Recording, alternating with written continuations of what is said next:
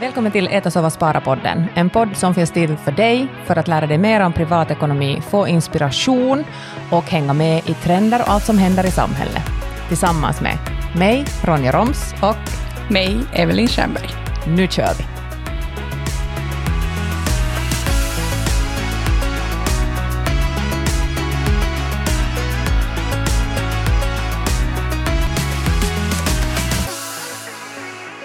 Hört rykten att vi ska prata om mitt favorittema idag. Ja, det stämmer det. Småfåglarna kvittrar. Ja, eller pappret framför mig. Eller, eller Någondera. Ja, idag ska vi prata om bostadsinvesteringar. Och då, liksom, vi behöver ju inte bjuda in någon här, för vi har ju liksom bostadsinvesterardrottningen här på andra sidan bordet. Ja, eller jag är ju liksom också fastighetsinvesterare. Det här är något som är ganska svårt tycker jag i dagens läge, för bostadsinvestering var ju det jag började med, köpte alltså bostäder. Men de senaste åren har jag ju egentligen bara köpt fastigheter, eller byggt fastigheter. Nå, berätta nu då. Vad no, men alltså, no, men alltså skillnaden är ju den att köper du en bostad så köper du ofta en bostad i ett, aktie, eller ett bostadsaktiebolag, ett höghus fast, och så hyr du ut den och så är det där med det. När du köper en fastighet så kan du köpa fast ett helt jävla höghus. Eller så kan du köpa ett radhus, eller så kan du köpa en hall, eller så kan du bygga en hall. För att då är du liksom konkret en fastighet. Mm. Det där hej, är en jättebra poäng. Jag har inte ens tänkt på det. Men alltså fastighetsinvesterare. I princip skulle jag vilja påstå att det är mer det jag är idag. Fast okej, okay, om vi räknar dörrar, vilket jag nu då inte gör, som jag sagt tidigare också, så har jag ju mera dörrar i liksom, bostäder än vad jag har annat. Men, men jag känner ändå att jag köper inte bostäder. Det är liksom, jag går inte ut och söker en bostad, utan jag går ut och söker deals, och den där dealen kan vara en hall, eller det kan vara att bygga ett parhus, eller det kan vara en, det kan vara en bostad också. Utan det är deals jag söker, och sen kan den komma lite i vilken form som helst i dagens läge. Mm. Men, men absolut, är det bostadsinvestering man pratar om och det vet du, jag är en asuntosijoittaja nog så här, för att det är den där terminologin som man använder. Mm att sätter du in i Instagram då fastighetsinvesterare eller kiinteistösijoittaja, så fastighetsinvestering för dig nog till Sverige, där du har då hus och sånt. Men i Finland är det nog inte en term som så hemskt många använder. Varför inte? Jag tror att det är bara ännu... Det är liksom, att vara bostadsinvesterare är nu bara det som man mer har pratat om. Det är nu bara mer det som drar. Mm. Det som är mer trendigt. Det, det ordet som har blivit på tapeten. Den hashtaggen man följer mer. Precis. Typ så här. Ja, men fastigheter alltså. Ja, och du är också en fastighetsinvesterare. Det säger du. Ja, men du är ju det. Du har ju just satt ut, eller ska sätta ut på hyra ditt egna hemshus, för du har byggt ett nytt. Så det du är en fastighetsinvesterare, för det är inte en bostad. Eh, ja. Ja, det är ett hus, så det är en fastighet. Precis. Ja. Så du är också en fastighetsinvesterare? Nej, men sitt, här ser du. Här sitter två fastighetsinvesterare. Ja. Men äh, det är ju inte riktigt uthyrt ännu, så jag har ju väntat med att kunna säga det här. Jag har väntat på att jag kan säga att nu faktiskt, mm.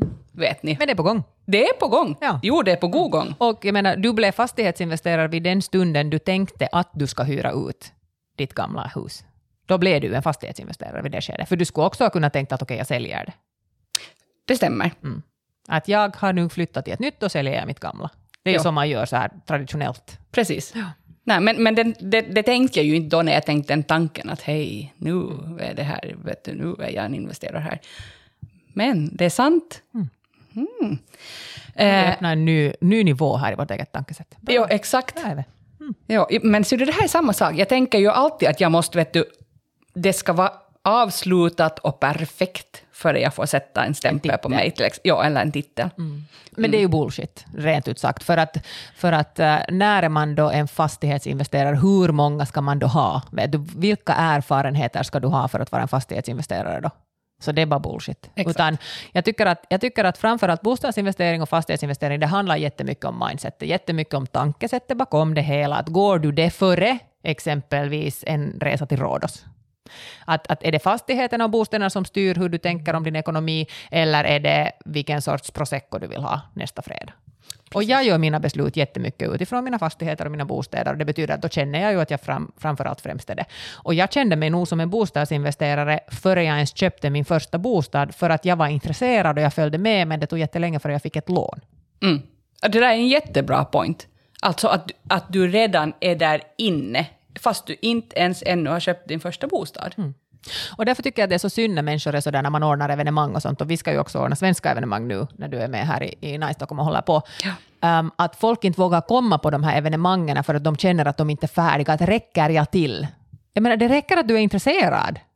Jag menar, det är ju inte sådär som att om vi har någon hönsafotboll, så är så att får jag komma och spela hönsafotboll med er om jag inte kan, men så att, äh, är du intresserad och vill testa, varsågod. Eller vet du, du far och klättrar bouldering eller något med dina kompisar, är så här, du kan nog inte komma med nu för att du har aldrig gjort det förr. Mm. Men varför är det här just så skrämmande? För det är pengar. Ja. Det är absolut det är pengar, det är ekonomi, det är tabubelagda ämnen som vi inte har pratat om förr. Det har inte varit vet du, sånt vi har blandat oss i och satsat på och hållit på med. Så då blir det mera, no, det blir ett känsligare tema som blir svårare att ta grepp på. Mm.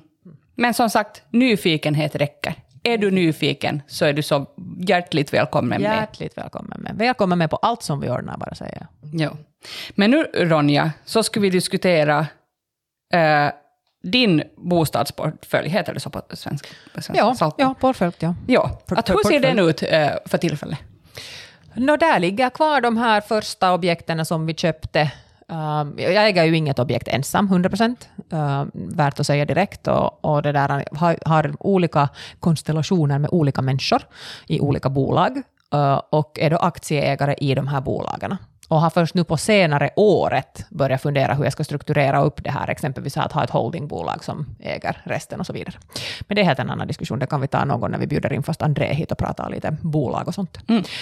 Det där, där finns dörrar, helt i skilda enstaka bostäder i höghus. Där finns hela radhu, radhuskomplex. Där finns hall, eh, sådana, vad ska jag säga, bås, kan man kalla det, lokeron på finska.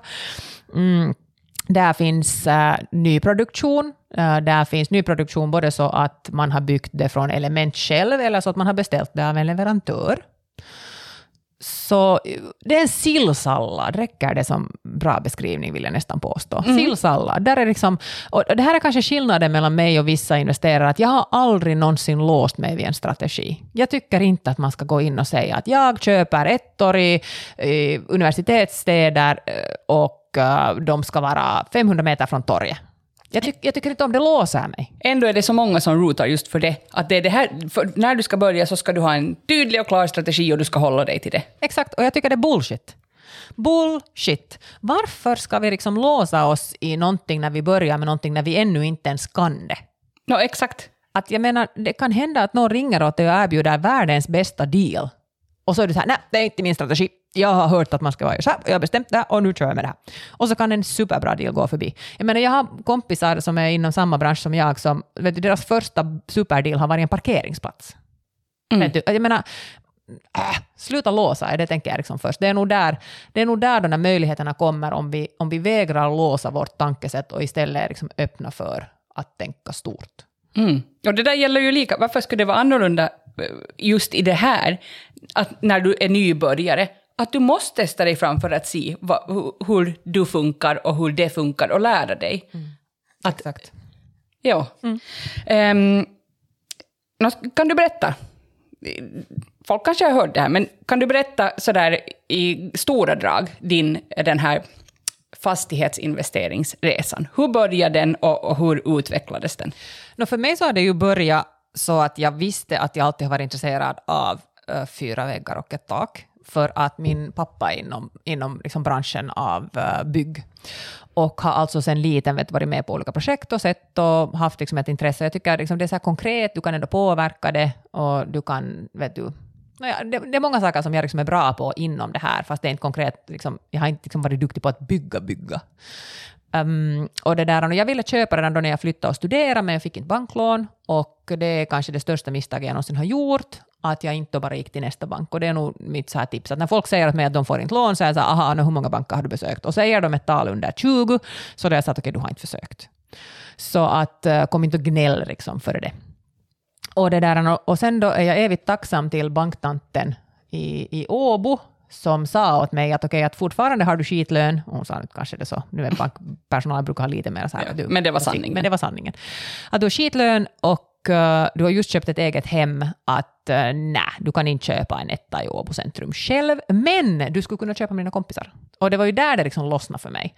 Och då köpte vi, vi var fyra personer som köpte en etta i Åbo centrum, som var färdigt uthyrd. Uh, hyresgästen flyttade ut sen efter sex månader. Och, det där, och då var ju lånet genast mycket mindre. Jag vill påstå, jag har en YouTube-video om det här på finska. Jag vill påstå att den kanske skulle ha kostat 78 000 eller 87, men jag tror det var 78. Och Eh, då delade vi på det lånet på fyra. Så det var ju mycket mindre risk, mycket mindre lån, mycket mindre vet press och allt när man börjar på det sättet. Och jag tycker att det var helt hundra gånger fiffigare egentligen så. Och sen det har kanske färgat min bostadskarriär eller fastighetsinvesteringskarriär efter det att jag har tänkt att varför skulle jag måste göra något ensam, när jag kan göra saker tillsammans med andra. Och därför tycker jag också att det är sorgligt när folk säger att jag kan inte investera i fastigheter eller bostäder för att min man eller min partner är inte med. Jag säger, vad fan behöver din partner till? finns det kompisar där ute, eller finns det människor på Instagram du kan vet du, investera med? Då? Att det ska väl inte hänga på det vem du är tillsammans med, du ska väl inte välja kärlek enligt, äh, enligt det där att du vill köpa bostäder. Så, det där, äh, så på den vägen sen egentligen, och äh, 2011 köpte jag första, och sen satt jag nog och pantade på den i typ sju år, före vi sen bildade bolag och köpte första hela komplexet med åtta uh, bostäder, sen ett radhuskomplex. Eller två hus liksom med åtta bostäder. Uh, hur gick det liksom? Vad var det som hände däremellan? Den bostaden och de här sju åren och sen det här komplexet? No, däremellan så fick jag papperna från skolan, jag gick ut i arbetslivet, jag betalade superaggressivt eh, tillbaka våra lån Um, och då gjorde jag det A för att jag inte riktigt förstod mig på lån ännu och B för att jag var så där att okej, okay, att om jag hade svårt att få det här första lånet så kan jag väl inte ha så mycket lån för att jag ska kunna få nästa lån.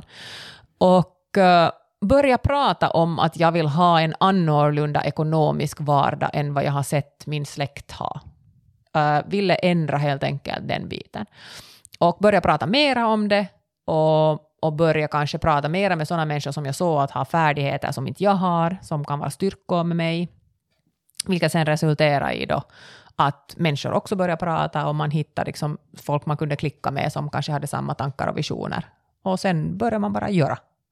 Och jag menar, jag kommer ihåg då när vi bjöd liksom på det här första objektet efter den här ettan då, Uh, så det får ju helt hotigt för oss, för vi hade inte lånebeslut, vi hade inte gjort vår research, vi hade inte en gameplan och det bara liksom, det fallerade ju liksom framför näsan på oss för att vi hade inte gjort liksom jobbet. Men jag är ändå superglad att vi bara får och gjorde, och det där objektet skulle faktiskt ha varit ett helt bra objekt och jag vill påstå att de gjorde ganska bra vinst, för det var någon annan som köpte det förstås som är så att det såldes på nytt här för något år sedan. Uh, men det var en bra lärdom. Den här lärdomen var det att, att helt på riktigt ställa frågor och vara ett steg före och, och våga liksom våga, våga vara dum i en situation, mm. vet du.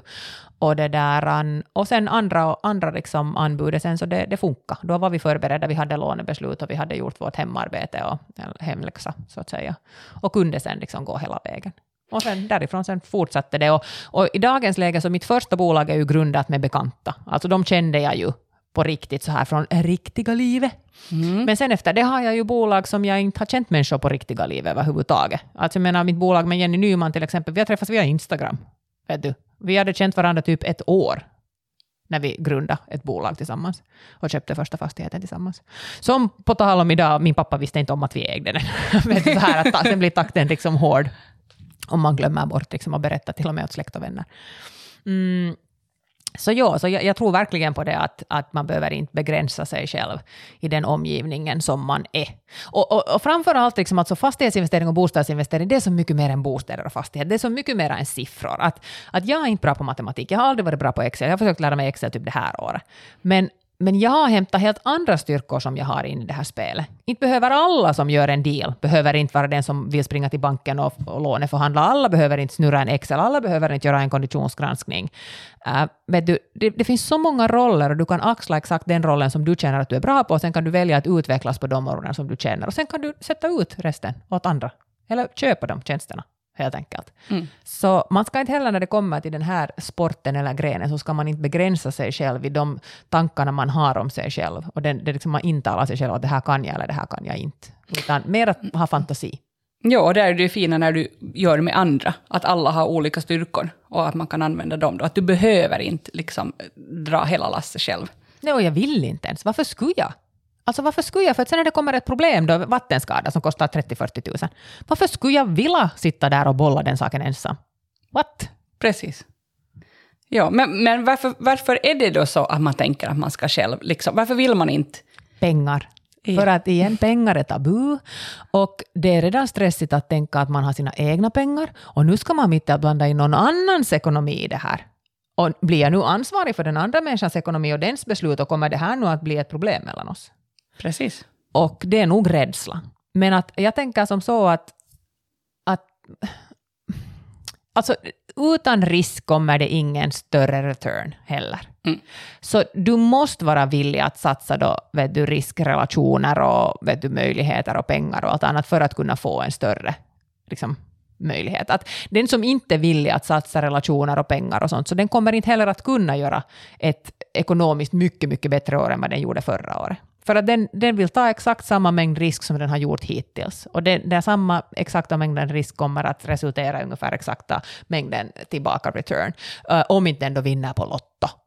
Ish, eller får då ett arv av en arabisk prins som var en lång, lång lost släkting som vi pratade om i ett avsnitt. Ja.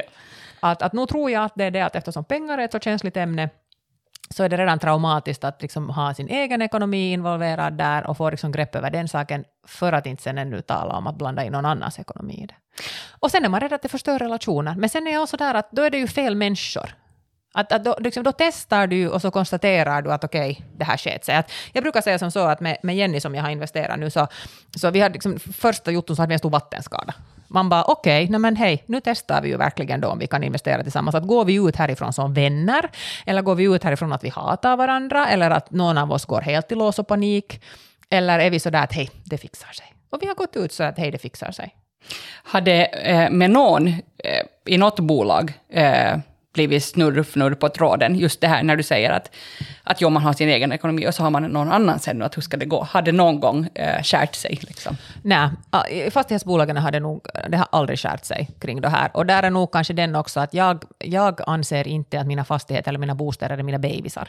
Utan jag kan alltid sälja dem, jag, blir, jag går inte och kärar ner mig. Jag, har, jag äger ingenting som jag inte skulle kunna sälja. Jag skulle kunna sälja det här huset imorgon om det skulle vara fast på det. Jag, liksom, jag vägrar kära ner mig i material helt enkelt. Mm. Och när du har en sån inställning, så då blir ju allt tillfälligt och då blir det inte så stora problem på samma sätt som det skulle bli att om du har kärat ner dig i någonting. Mm. Men sen det som ju nog är att när du startar ett bolag i ett livskede, så det där, alltså folks liv ändras ju. Att, eh, om vi tänker fast på vårt första bolag då, som vi har tillsammans med Jocke och Anna, jag och Johan, så där kom ju liksom, det har kommit fem barn sen vi har, nej ursäkta nej, jag hade mina båda barn då, men Anna och Jocke har fått två barn då, sen det bolaget grundades. Så jag menar, de livssituationerna har ju varit helt annorlunda under vissa år. Och, och då har man bara kunnat, kunnat konstatera att okej, okay, nu har ni en sån här livssituation, ni kan inte pressa, ni kan inte trycka på gasen, så vi tar lugnt nu ett år. Och så gör vi något annat emellan. Och det är ju också orsaken varför jag har flera bolag. För att då kan det vara som så att ett bolag så är det fiffigare just nu att det bolaget inte gör någonting, och då kan de andra bolagen göra. Precis. Ehm, um, no, varför skulle du rekommendera då, eller skulle du rekommendera uh, att bostads eller fastighetsinvestera åt andra? Absolut. Alltså jag tror ju att det är enda sättet för mig att göra fyrk. Så det finns säkert många andra där ute som har samma tanke. Och jag menar, det finns inte så hemskt många äh, branscher, så att säga, där du kan få ditt eget kapital och, och liksom hämta så här mycket. För att sist och slutligen när du köper fast någonting, så vi säger att vi använder det klassiska 70-30, så då lånar du 70 procent av fyrkarna från banken och så sätter du 30 procent in själv. Då är det ju liksom din 30 procent som är dina egna pengar som jobbar. Och det är ju helt fantastiskt. För jag menar, sätter jag in pengar på börsen så måste jag ju sätta in då den där summan och då börjar den först jobba. Och exakt den summan jag sätter in, om inte jag har tagit lån för att sätta in, då är det ju samma situation. Men, det där, men där tycker jag att, att ditt eget kapital jobbar så otroligt bra.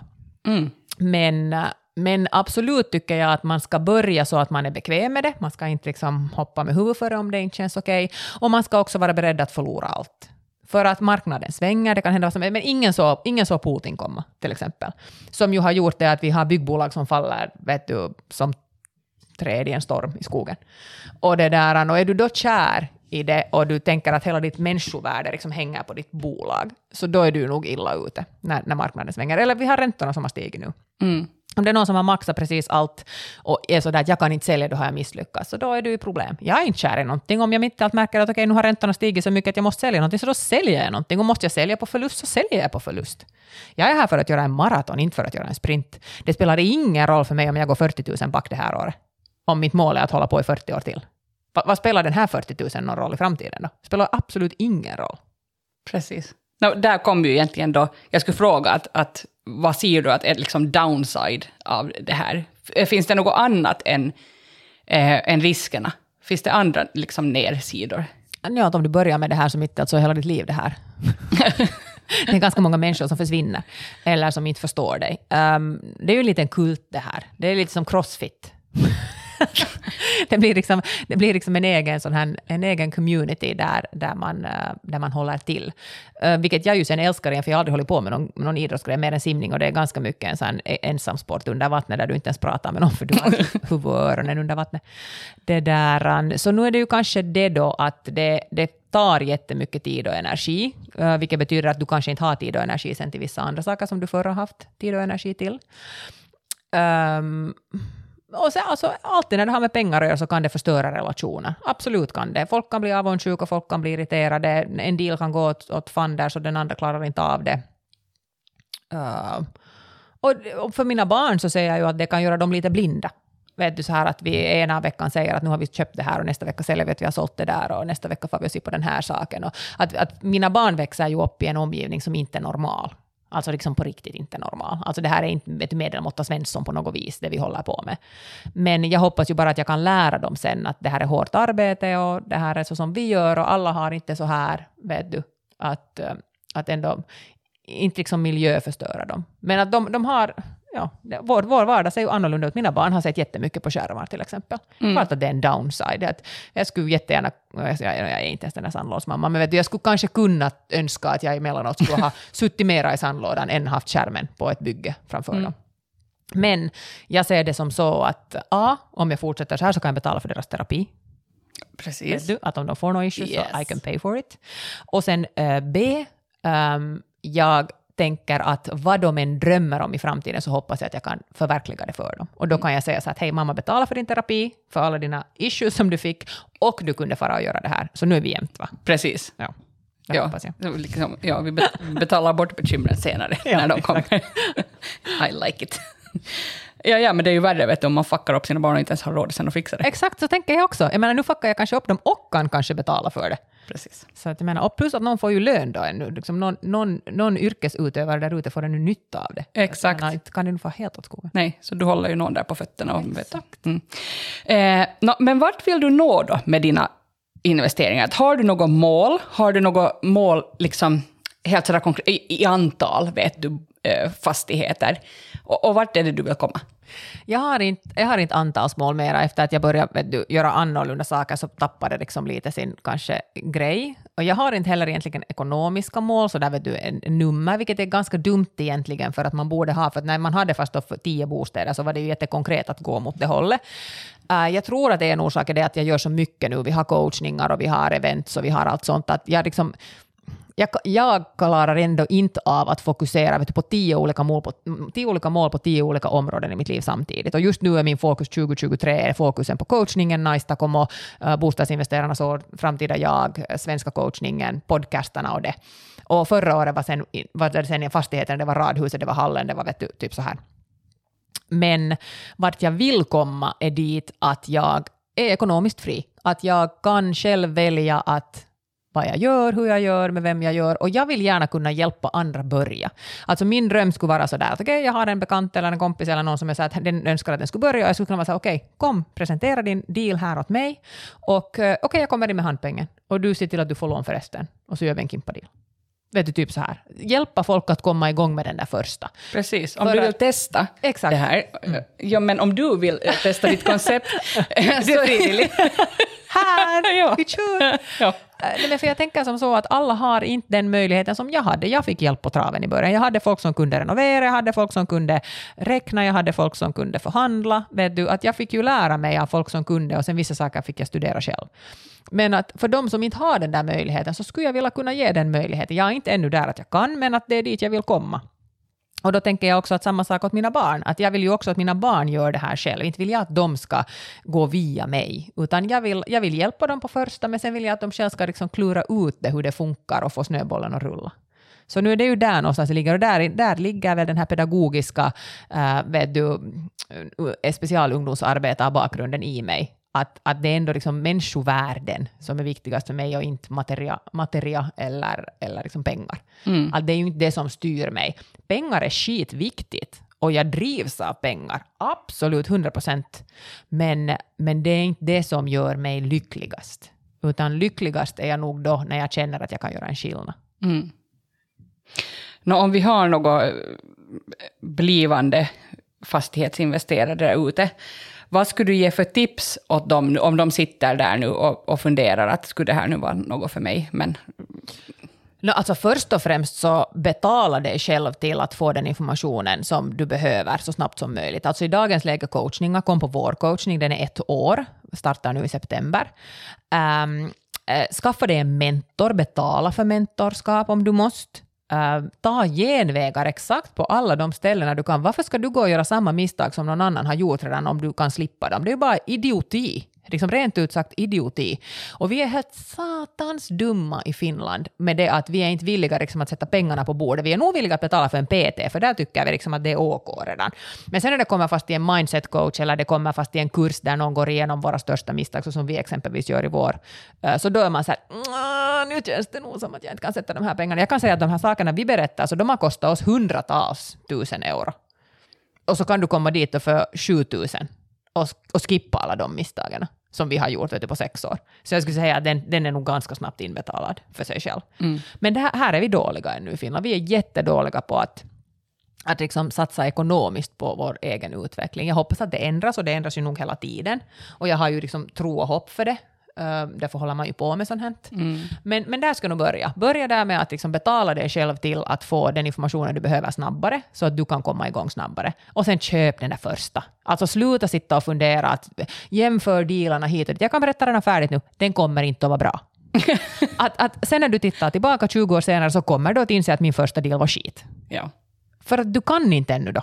Precis. Men om du sitter och väntar på den perfekta dealen så kommer den aldrig att komma, för din första deal kommer ändå troligen att vara din sämsta deal. Mm. För att du kommer att lära dig så otroligt mycket på vägen. Men det där är ju jätte, sådär, um, vad heter det? Tröstande. tröstande ju att höra och att, att tänka det, den tanken från början. Det här kommer ändå vara skit. det kommer ändå vara en skitdeal. Det är lika bra att göra det, men det kommer vara skit ändå. Exakt. För då, då tar man ju bort pressen. 100 procent. Och då, liksom, då lär du dig genom att göra. Jag menar, annars så sitter du och lär dig en bok och jag är ledsen, den där boken är inte ändå real life. Den där boken är inte ändå verklighetstrogen. Så du måste göra det konkret för att det ska på riktigt föra dig framåt. Och då är det bara till börja, det är enda sättet. Så, så rådet och tipset var här nu bara att bara sätt igång. Sätt igång. Ja. Ja. Just och ta, och ta så it. många genvägar du kan. Precis. Eh, nå, vad har du nu liksom i kikan just på det här fastighetsområdet nu till nästa? Vad är liksom din nästa plan eller ditt nästa objekt? No, just nu så sitter jag ju och väntar och funderar att när ska folk bli vana med de här räntorna? För att nu är folk så där att man sitter lite och håller i sina pengar för att man inte vet vart världen är på väg, fast det här är egentligen normalläge, så därför sitter jag bara och väntar att folk ska förstå att det är normalläge. Och sen har jag insett det 2022 att det tömde mig det där året med sådär många stora byggprojekt, att jag var en eh, utvriden trasa i december. Och därmed så vill jag 2024 så vill jag göra mindre projekt. Alltså typ göra en lägenhet i ett höghus, flippa den, eller typ något sånt här, sätta en lägenhet ut på Airbnb. Helt enkelt lite mindre, för att jag känner att om jag skulle göra nu samma sak på nytt som 2022, så skulle jag tycka att det här är skit ganska snabbt. Och jag skulle bli trött på det här och jag skulle inte vilja fortsätta med det. Så kanske ta det lite lugnare, back to basic, att hitta den där gnistan igen var man börjar. Och sen samtidigt tänker jag hjälpa andra på traven. Att just via de här coachningarna och, och, och allt det här som vi ordnar och fixar och som du också är med på, så det där att kunna, kunna liksom hitta en gnista där som gör att det igen känns kiva kanske 2025 att göra ett större projekt. Men just nu, ta det lugnare. Jag vill slutföra de som är på gång, Parhuset, Hallen um, och det där, och sen ta det lite lugnare.